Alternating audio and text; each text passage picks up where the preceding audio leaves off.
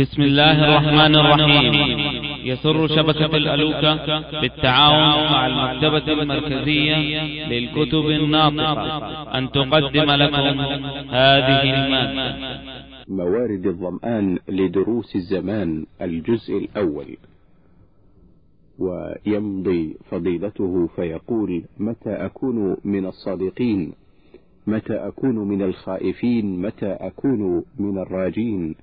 متى أزهد في الدنيا متى أرغب في الآخرة متى أتوب من الذنوب متى أعرف النعم المتواترة متى أشكر الله عليها متى أحفظ لساني متى أستحي من الله حق الحياء متى أشتغل بعيبي متى أصلح ما فسد من أمري متى أحاسب نفسي متى أتزود ليوم معادي؟ متى أكون عن الله راضيا؟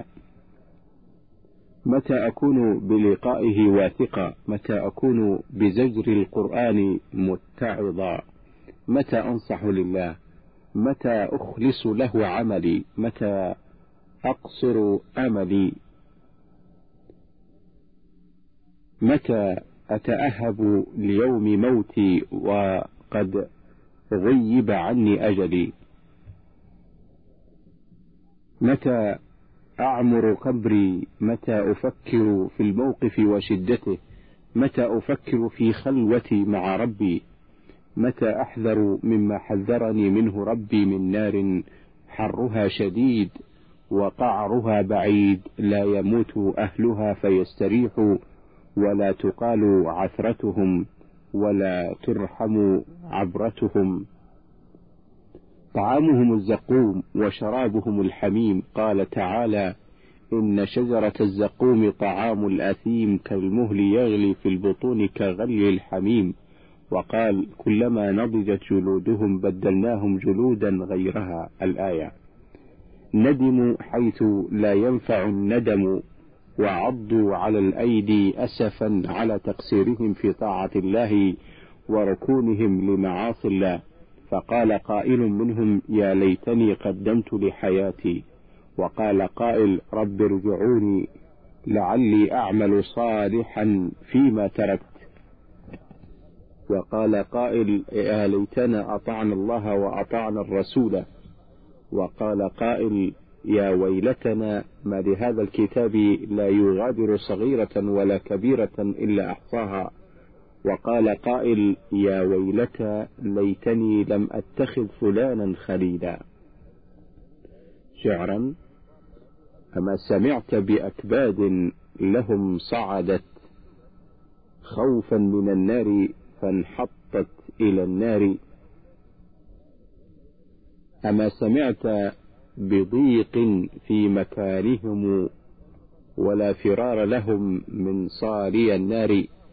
أما سمعت بحيات تدب بها إليهم خلقت من مارج النار. فيا إلهي بأحكام وما سبقت به قديما من الجنات والنار. أدعوك أن تحمي العبد الضعيف فما للعبد من جسد يكوى على النار. والشمس ما لي عليها قط من جلد فكيف يصبر ذو ضعف على النار؟ اللهم علمنا ما ينفعنا وانفعنا بما علمتنا وبارك لنا في علوبنا وأعمالنا وأعمارنا وأصلح نياتنا وذرياتنا واغفر لنا ولوالدينا ولجميع المسلمين برحمتك يا أرحم الراحمين. وصلى الله على محمد وعلى آله وصحبه أجمعين. فصل.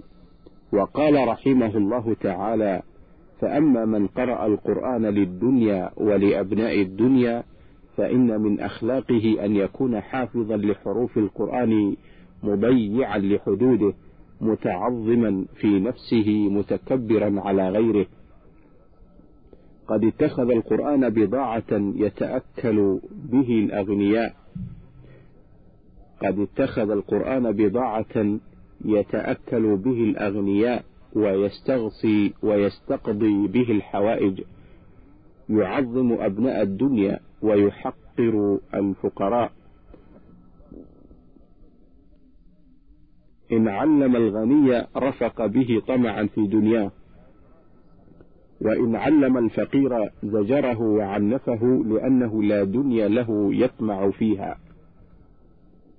يستخدم به الفقراء ويتيه به على الأغنياء. إن كان حسن الصوت أحب أن يقرأ للملوك ويصلي بهم طمعا في دنياهم. وإن سأله الفقراء الصلاة بهم ثقل ذلك عليه لقلة الدنيا في أيديهم وإنما طلبه الدنيا حيث كانت ربض عندها. وإنما طلبه الدنيا حيث كانت ربض عندها. يفخر على الناس بالقرآن ويحتج على من دونه على من دونه ويحتج على من دونه في الحفظ بفضل ما معه من القراءات. فتراه تائها متكبرا كثير الكلام يعيب كل من لم يحفظ كحفظه. ومن علم أنه يحفظ كحفظه طلب عيبه متكبرا في جلسته متعاظما في تعليمه لغيره ليس للخشوع في قلبه موضع فهو كثير الضحك والخوض فيما لا يعنيه. يشتغل عمن يأخذ عليه بحديث من جالسه. هو إلى هو إلى استماع حديث جليسه أصغى منه إلى استماع من يجب عليه أن يستمع له. يوري أنه لم يستمع. حافظا فهو إلى كلام الناس أشهى منه إلى كلام الله عز وجل. لا يخشع عند استماع القرآن ولا يبكي ولا يحزن ولا يأخذ نفسه بالفكر فيما يتلى عليه وقد ندب إلى ذلك. راغب في الدنيا وما قرب منها لها يغضب ويرضى إن قصر رجل في حقه. قال أهل القرآن لا يقصر في حقوقهم. وأهل القرآن تقضى حوائجهم.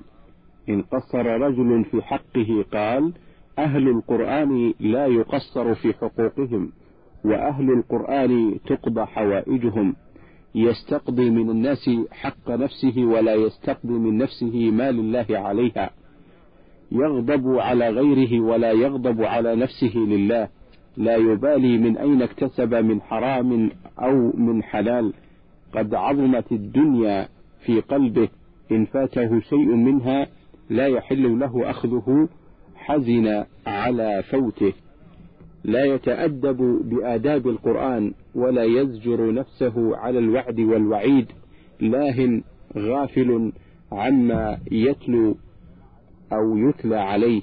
همته حفظ الحروف إن أخطأ في حرف ساءه ذلك لئلا ينقص لئلا ينقص جاهه عند المخلوقين فتنقص رتبته عندهم فتراه محزونا مغموما بذلك. وما قد ضيعه فيما بينه وبين الله مما أمر الله به في القرآن أو نهى عنه فهو غير مكترث به. أخلاقه في كثير من أموره أخلاق الجهال الذين لا يعلمون لا يأخذ نفسه بالعمل بما أوجب الله. لا يأخذ نفسه بالعمل بما أوجب الله عليه في القرآن إذا سمع الله عز وجل قال وما آتاكم الرسول فخذوه وما نهاكم عنه فانتهوا. فكان من الواجب عليه أن يلزم نفسه طلب العلم لمعرفة ما نهى عنه النبي صلى الله عليه وسلم فينتهي عنه إلى أن قال رحمه الله تعالى فأما العاقل إلى إذا تلا القرآن استعرض القرآن فكان كالمرآة يرى بها ما حسن من فعله وما قبح منه. فما حذره مولاه حذره وما خوفه به من عقابه خافه وما رغبه فيه مولاه رغب فيه ورجاه. فمن كانت هذه صفته أو ما قارب هذه الصفة فقد تلاه حق تلاوته ورعاه حق رعايته وكان له القرآن شاهدا وشفيعا وأنيسا وحرزا. ومن كان هذا وصفه نفع نفسه ونفع أهله وعاد على والديه وعلى ولده كل خير في الدنيا والآخرة. انتهى كلامه باختصار وتصرف يسير. فطوبى لمن أرضى الإله مسارعا إلى سبل تهديه للرحلة الأخرى.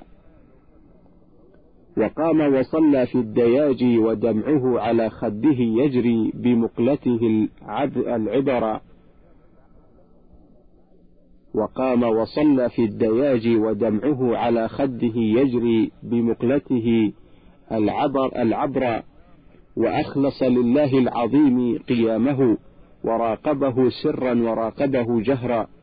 وأحيا ليالي وأحيا ليالي عمره بقيامه إلى ربه في الليل وامتثل الأمر فذاك بحمد الله في طيب عيشة يفوز بها صوما ويحظى بها فطرا.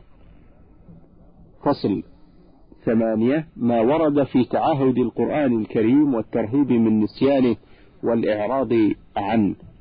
يسن ختمه في كل أسبوع لقوله صلى الله عليه وسلم لعبد الله بن عمرو رضي الله عنهما واقرأ في كل سبع ليال ولا تزد على ذلك متفق عليه.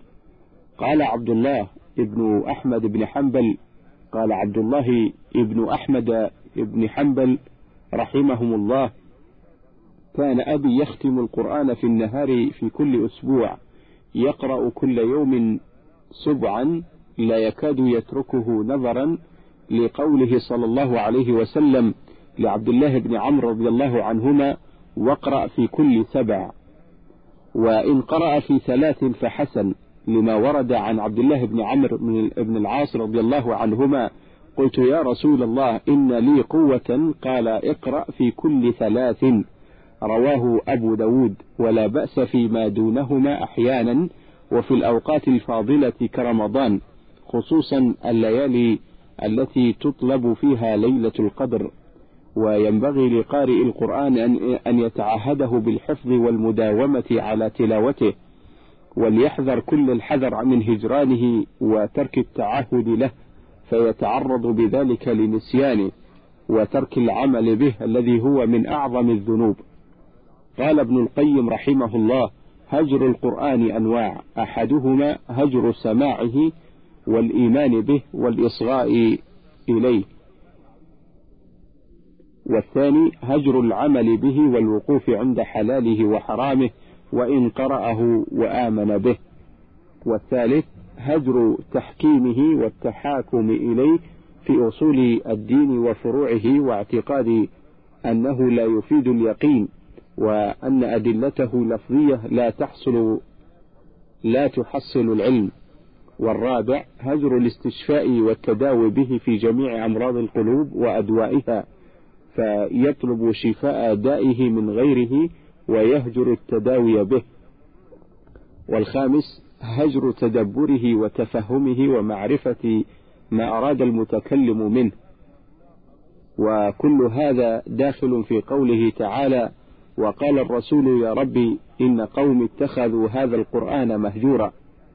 وروى الإمام أحمد رضي الله عنه من حديث سمرة أن النبي صلى الله عليه وسلم رأى رجلا مستلقيا على قفاه ورجلا قائما بيده فهر أو صخرة ورجلا قائما بيده فهر أو صخرة فيشدخ بها رأسه فيتهدهده فيتهدهده فإذا هب فإذا ذهب ليأخذه عاد رأسه كما كان فيصنع به مثل ذلك. فسأل عنه فقيل له رجل آتاه الله القرآن فنام عنه بالليل ولم يعمل به بالنهار فهو يفعل به ذلك إلى يوم القيامة. وفي حديث عمرو بن شعيب مرفوعا يمثل القرآن يوم القيامة رجلا فيؤتى بالرجل قد حمله فخالف أمره فيتمثل له خصما. فيقول يا رب حملته إياي أو حملته إياي فبئس حامل تعدى حدودي وضيع فرائضي وركب معصيتي وترك طاعتي فما يزال يقذف عليه بالحجج حتى يقال حتى يقال شأنك به فيأخذ بيده فما يرسله حتى يكبه على منخره في النار الحديث. وعن سعيد بن وعن سعد بن عبادة رضي الله عنه قال قال رسول الله صلى الله عليه وسلم ما من امرئ يقرأ القرآن ثم ينساه إلا لقي الله يوم القيامة أجذم رواه أبو داود وعن أبي موسى الأشعري رضي الله عنه عن النبي صلى الله عليه وسلم أنه قال تعاهدوا هذا القرآن فوالذي نفسي بيده لهو أشد تفلتا من الإبل من عقلها رواه البخاري ومسلم. وعن ابن عمر رضي الله عنهما أن رسول الله صلى الله عليه وسلم قال إنما مثل صاحب القرآن كمثل الإبل المعقلة إن عاهد عليها أمسكها وإن أطلقها ذهبت. متفق عليه. قال ابن عباس رضي الله عنهما تكفل الله لمن قرأ القرآن وعمل بما فيه ألا يضل في الدنيا ولا يشقى في الآخرة. ثم قرأ قوله تعالى فإما يأتينكم مني هدى فمن, فمن اتبع هداي فلا يضل ولا يشقى ومن أعرض عن ذكري فإن له معيشة ضنكا ونحشره يوم القيامة أعمى. قال رب لم حشرتني أعمى وقد كنت بصيرا. قال كذلك أتتك آياتنا فنسيتها وكذلك اليوم تنسى. انتهى. وروى أنس رضي الله عنها أن النبي صلى الله عليه وسلم قال عرضت علي أجور أمتي حتى القذات يخرجها الرجل من المسجد وعرضت علي ذنوب أمتي فلم أر ذنبا أعظم من سورة من القرآن أو آية أوتيها الرجل ثم نسيها. ويا للأسف استبدلوا الخبيث بالطيب. أكبوا على الجرائد والمجلات والكتب الخليعات بدل تلاوة كتاب الله فلا حول ولا قوة إلا بالله العلي العظيم وهو حسبنا ونعم الوكيل. وفي الحديث الذي رواه الترمذي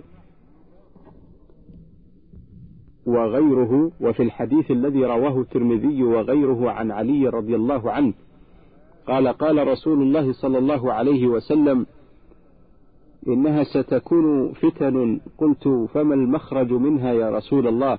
قال كتاب الله فيه نبأ ما قبلكم وخبر ما بعدكم وحكم ما بينكم. هو الفصل ليس بالهزل. من تركه من جبار قصمه الله ومن ابتغى الهدى في غيره أضله الله. وهو حبل الله المتين وهو الذكر الحكيم وهو الصراط المستقيم. وهو الذي لا تزيغ به الأهواء ولا تلتبس به الألسن ولا تنقضي عجائبه ولا تشبع منه العلماء من قال به صدق ومن عمل به أجر ومن حكم به عدل ومن دعا إليه هدي إلى صراط مستقيم والله أعلم وصلى الله على محمد وآله وصحبه وسلم فصل إذا فهمت ذلك فاعلم أن القرآن قد بين فيه ما يحتاج إليه العباد من أصول الدين وفروعه وأحكام الدارين حتى أنه تعالى يثني الأمور حتى أنه تعالى يثني الأمور الكبار التي يحتاج القلب لمرورها عليه كل وقت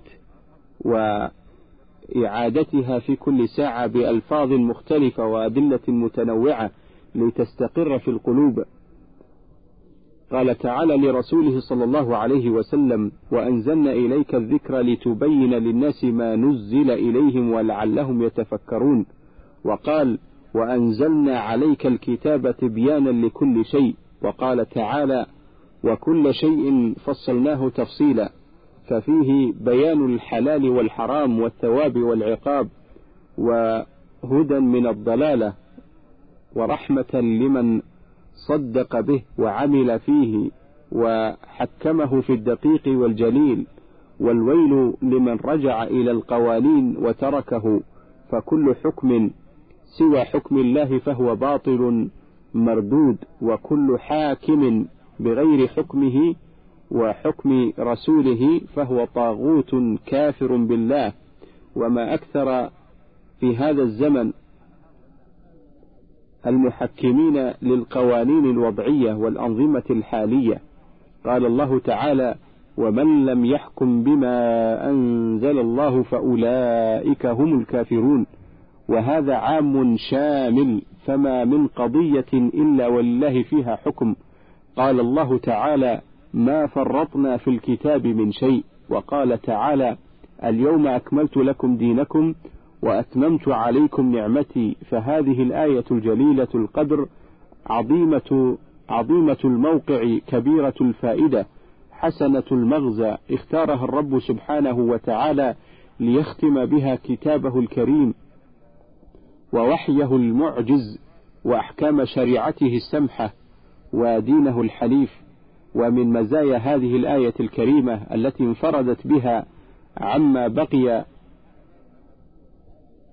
عما بقي من السور والآيات أن الله أكمل بها الدين بمعرفة الأحكام الشرعية من الفرائض والسنن والحدود والأحكام والحلال والحرام ولم ينزل ولم ينزل بعدها حلالا ولم ينزل بعدها حلال ولا حرام ولا شيء من الفرائض وأتم بها النعمة. على عباده المؤمنين بهدايتهم لأحكامه وتوفيقهم لمعرفة أمره ونهيه وحلاله وحرامه وإنجازه سبحانه ما وعدهم به في قوله ولأتم نعمتي عليكم. فكان من تمام نعمته أن دخلوا مكة آمنين وحجوا مطمئنين لم يخالطهم أحد من المشركين وأنه سبحانه اختار لهذه الأمة دين الإسلام وملة إبراهيم عليه السلام عن الأديان كلها بيانا لشرف هذا الدين واعتناء بأمة محمد صلى الله عليه وسلم. وحسبنا من ذلك قوله تعالى إن الدين عند الله الإسلام. وقوله تعالى ومن يبتغي غير الإسلام دينا فلن يقبل منه وهو في الآخرة من الخاسرين. وهذا ما دعا كعب الأحبار وذلك قبل أن يسلم وهذا ما دعا كعب الأحبار وذلك قبل أن يسلم وكان معه نفر من اليهود أن يقول لخليفة المسلمين عمر ابن الخطاب رضي الله عنه يا أمير المؤمنين آية في كتابكم تقرؤونها لو علينا معشر اليهود نزلت لاتخذناها عيدا وأقمنا لها محتفلا في كل عام نجدد ذكراها ونتدارس فضائلها الكثيرة وذكريات وذكرياتها العطرة. فيبتدر عمر بن الخطاب رضي الله عنه قائلا أي آية هي؟ قال كعب اليوم أكملت لكم دينكم وأتممت عليكم نعمتي ورضيت لكم الإسلام دينا. فيجيبه أمير المؤمنين بكل تؤدة وسكينة قائلا قد عرفنا ذلك اليوم والمكان الذي نزلت فيه على النبي صلى الله عليه وسلم وهو قائم بعرفة يوم الجمعة. وفي رواية إسحاق ابن قبيصة أو ابن قبيصة نزلت يوم الجمعة يوم عرفة وكلاهما بحمد الله لنا عيدا انتهى. ومن الأدلة على وجوب الرجوع إلى الكتاب والسنة عند التحاكم ما يلي. قال تعالى ونزلنا عليك الكتاب تبيانا لكل شيء وقال فإن تنازعتم في شيء فردوه إلى الله والرسول إن كنتم تؤمنون بالله الآية. وقال تعالى فلا وربك لا يؤمنون حتى يحكموك فيما شجر بينهم الآية. وقال تعالى اتبعوا ما أنزل إليكم من ربكم ولا تتبعوا من دونه أولياء. وقال صلى الله عليه وسلم تركتكم على المحجة البيضاء ليلها كنهارها لا يزيغ عنها بعدي إلا هالك. وقال فيما صح عنه ما بعث من نبي إلا كان حقا عليه أن يدل أمته على خير ما يعلمه لهم. وينهاهم عن شر ما يعلمه لهم. وقال أبو ذر لقد توفي رسول الله صلى الله عليه وسلم وما طائر يقلب جناحيه في السماء إلا ذكر لنا منه علما. ولا شك أن من أعرض عن كتاب الله وسنة رسوله واعتاض عنهما بالقوانين الوضعية أنه كافر كفر ناقل عن الملة. أنه كافر كفرا ناقلا عن الملة الإسلامية وكذا من استهزأ بالقرآن أو طلب تناقضه أو دعوى أنه مختلق أو دعوى أنه مختلف أو مختلق أو مختلق أو أثبت شيئا نفاه القرآن أو نفى ما أثبته القرآن فقد كفر. قال تعالى قل لئن اجتمعت الإنس والجن على أن يأتوا بمثل هذا القرآن لا يأتون بمثله. وقال ولو كان من عند غير الله لوجدوا فيه اختلافا كثيرا. ولا خلاف بين المسلمين في أن من جحد من القرآن سورة أو آية أو كلمة أو حرفا متفق عليه أنه كافر. وقال علي من كفر بحرف منه فقد كفر به كله. وكذا من زعم أنه يسعه الخروج على عن شريعة محمد صلى الله عليه وسلم كما وسع الخضر الخروج عن شريعة موسى أو زعم أن هدي غير محمد أفضل من هديه صلى الله عليه وسلم أو أحسن أو زعم أنه لا يسع الناس في مثل هذه العصور إلا الخروج عن الشريعة. وأنها كانت كافية في الزمان الأول فقط وأما في هذه الأزمنة فالشريعة لا تساير الزمن ولا بد من تنظيم قوانين بما يناسب الزمن فلا شك أن هذا الاعتقاد إذا صدر من إنسان فإنه قد استهان بكتاب الله وسنة رسوله صلى الله عليه وسلم وتنقصهما. ولا شك في كفره وخروجه من الدين الإسلامي بالكلية. وكذلك من زعم أنه محتاج للشريعة في علم الظاهر دون الباطن أو في علم الباطن فقط أو في علم الشريعة دون علم الحقيقة أو أن هذه الشرائع غير منسوخة بدين محمد أو استهان بدين الإسلام أو تنقصه أو هزل به أو بشيء من شرائعه أو بمن جاء به.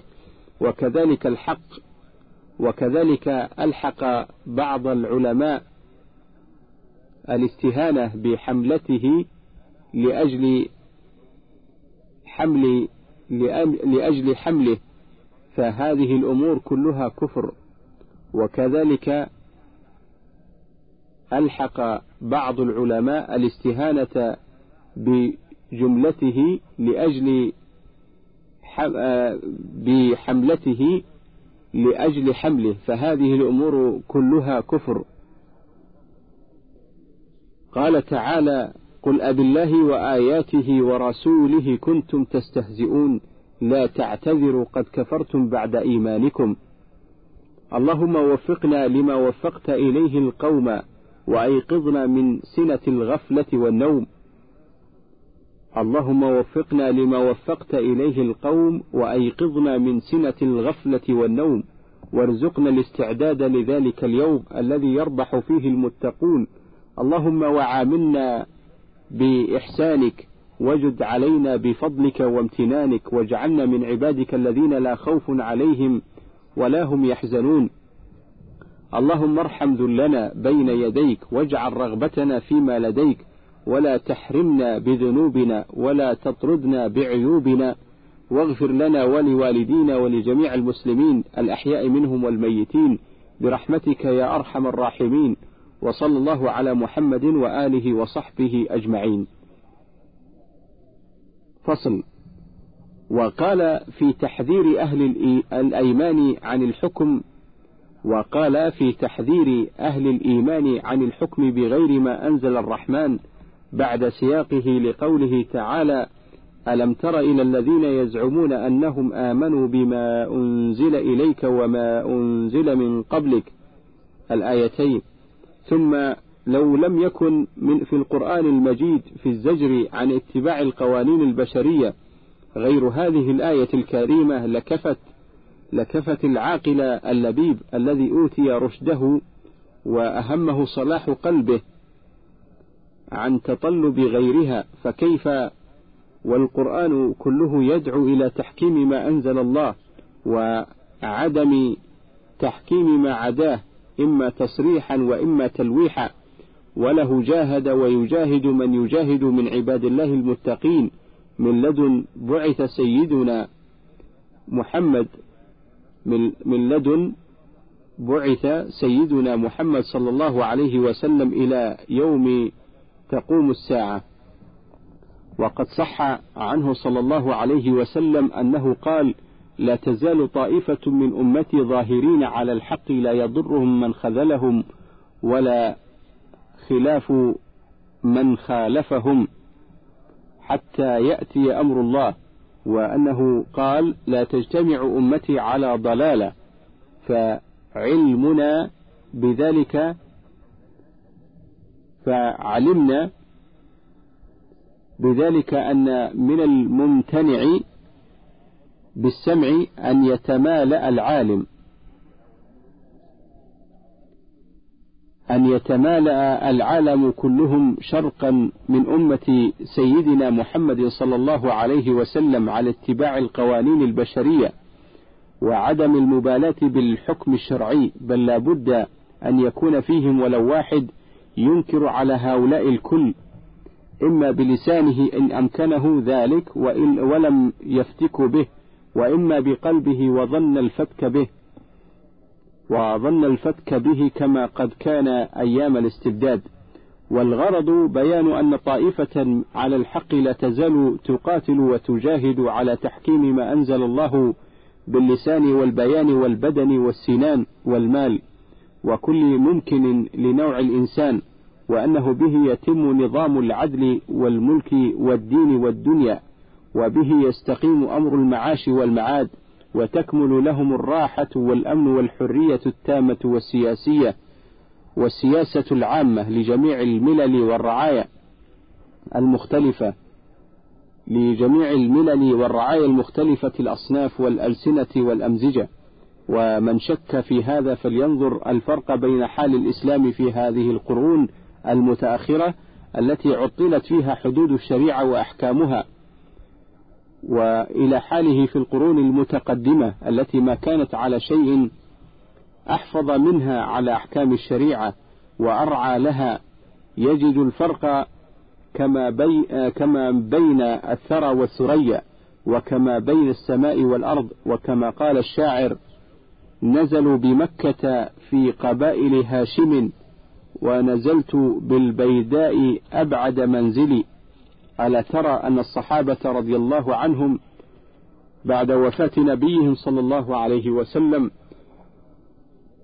فتحوا ما فتحوا من أقاليم البلدان ونشروا الإسلام والإيمان والقرآن في مدة نحو مئة سنة.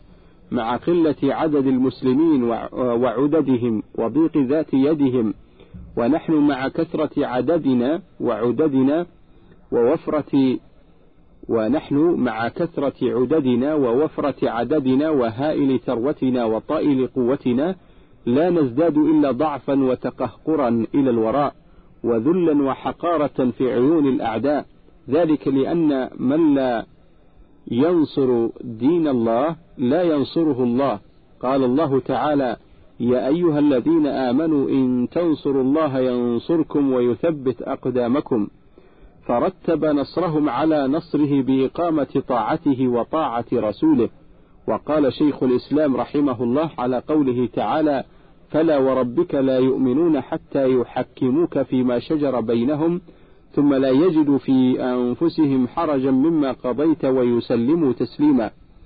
فمن لم يلتزم تحكيم الله ورسوله فمن لم يلتزم تحكيم الله ورسوله فيما شجر بينهم فقد أقسم سبحانه بنفسه أن لا يؤمنوا وأما من كان ملتزما لحكم الله ورسوله ظاهرا وباطنا لكن عصى واتبع هواه فهذا بمنزلة أمثاله من العصاة فمن لم يلتزم حكم الله ورسوله فهو كافر وهذا واجب على الأمة في كل ما تنازعت فيه من الأمور الاعتقادية والعملية. فالأمور المشتركة بين الأمة لا يحكم فيها إلا بالكتاب والسنة ليس لأحد أن يلزم الناس بقول عالم ولا أمير ولا شيخ ولا ملك و ولا ملك وحكام المسلمين في الأمور المعينة لا يحكمون في الأمور الكلية وإذا حكموا في المعينات فعليهم أن يحكموا بما في كتاب الله فإن لم يكن فبما في سنة رسول الله فإن لم يجدوا اجتهد الحاكم برأيه انتهى. لأنه صلى الله عليه وسلم لما بعث معاذا إلى اليمن قال بما تحكم؟ قال بكتاب الله. قال فإن لم تجد قال بسنة رسول الله صلى الله عليه وسلم. قال فإن لم تجد قال أجتهد رأيي. قال الحمد لله الذي وفق رسول رسول الله صلى الله عليه وسلم لما يرضي رسول الله صلى الله عليه وسلم. وفي كتاب عمر بن عبد العزيز لا عروة كتبت آه كتبت كتبت إلي تسألني عن القضاء بين الناس وإن رأس القضاء اتباع ما في كتاب الله ثم القضاء بسنة رسول الله صلى الله عليه وسلم ثم بحكم أئمة الهدى ثم استشارة ذوي العلم والرأي وذكر وذكر عن سفيان بن عيينة قال كان ابن شبرمة يقول ما في القضاء شفاعة لمخاصم عند اللبيب ولا الفقيه العالم. هون علي إذا قضيت بسنة أو بالكتاب برغم أنف الراغم. وقضيت فيما لم أجد أثرا به بنظائر معروفة ومعالم. وعن ابن وهب قال قال مالك الحكم حكمان حكم جاء به كتاب الله وحكم أحكمته السنة. قال ومجتهد رأيه فلعله يوفق. وقال ابن القيم رحمه الله على قوله تعالى فلا وربك لا يؤمنون الآية. فأقسم سبحانه بأجل مقسم به وهو نفسه عز وجل على أنه لا يثبت لهم إيمان ولا يكونون من أهله حتى يحكموا الرسول صلى الله عليه وسلم في جميع موارد النزاع في جميع أبواب الدين. فإن لفظة ما من صيغ العموم تقتضي نفي الإيمان أو يوجد تحكيمه في جميع ما شجر بينهم. ولم يقتصر على هذا حتى ضم إليه انشراح صدورهم. ولم يقتصر على هذا حتى ضم إليه انشراح صدورهم بحكمه حيث لا يجدون في أنفسهم حرجا وهو الضيق والحصر في من حكمه بل يقبل حكمه بالانشراح ويقابلوه بالتسليم لا أنهم يأخذونه على إغماض ويشربون على قذى فإن هذا مناف للإيمان بل لا بد أن يكون أخذه بقبول ورضا وانشراح صدور ومتى أراد العبد أن يعلم هذا فلينظر في حاله ويطالعه في قلبه عند ورود حكمه على خلاف هواه وغرضه. فسبحان الله كم من حزازة في نفوس كثير من الناس من كثير من النصوص وبودهم لو لم آه، تردوكم وبودهم أن لو لم تردوكم من حرارة في أكبادهم منها وكم من آه، شجن في حلوقهم منها ومن موردها ستبدو لهم تلك السرائر بالذي يسوء ويخزي يوم تبلى السرائر. ثم لم يقتصر سبحانه على ذلك حتى ضم إليه قوله تعالى ويسلم تسليما فذكر الفعل مؤكدا بمصدره القائم مقام ذكره مرتين وهو الخضوع له والانقياد لما حكم به طوعا ورضا وتسليما لا قهرا ومصابرة كما يسلم المقهور لمن قهره كرها بل آه، تسليم عبد مطيع لمولاه وسيده الذي هو أحب شيء إليه يعلم أن سعادته وفلاحه في تسليمه إليه ويعلم بأنه أولى به من نفسه وأبر به منها وأرحم به منها وأنصح له منها وأعلم بمصالحه منها وأقدر على تخليصها. وتأمل لهذا المعنى المذكور في الآية بوجوه عديدة من التأكيد أولها تصديرها بالقسم يتضمن المقسم عليه وهو قوله لا يؤمنون وثانيها تأكيده بنفس القسم وثالثها تأكيده بالمقسم به وهو إقسامه بنفسه لا بشيء من مخلوقاته. ورابعا تأكيده بانتفاء الحرج وهو وجود التسليم وخامسها تأكيد الفعل بالمصدر. وما هذا إلا لشدة الحاجة إلى هذا الأمر العظيم وأنه مما يعتنى به ويقرر في نفوس العباد. والله أعلم وصلى الله على محمد وآله وصحبه وسلم. من فضلك تابع بقية المادة.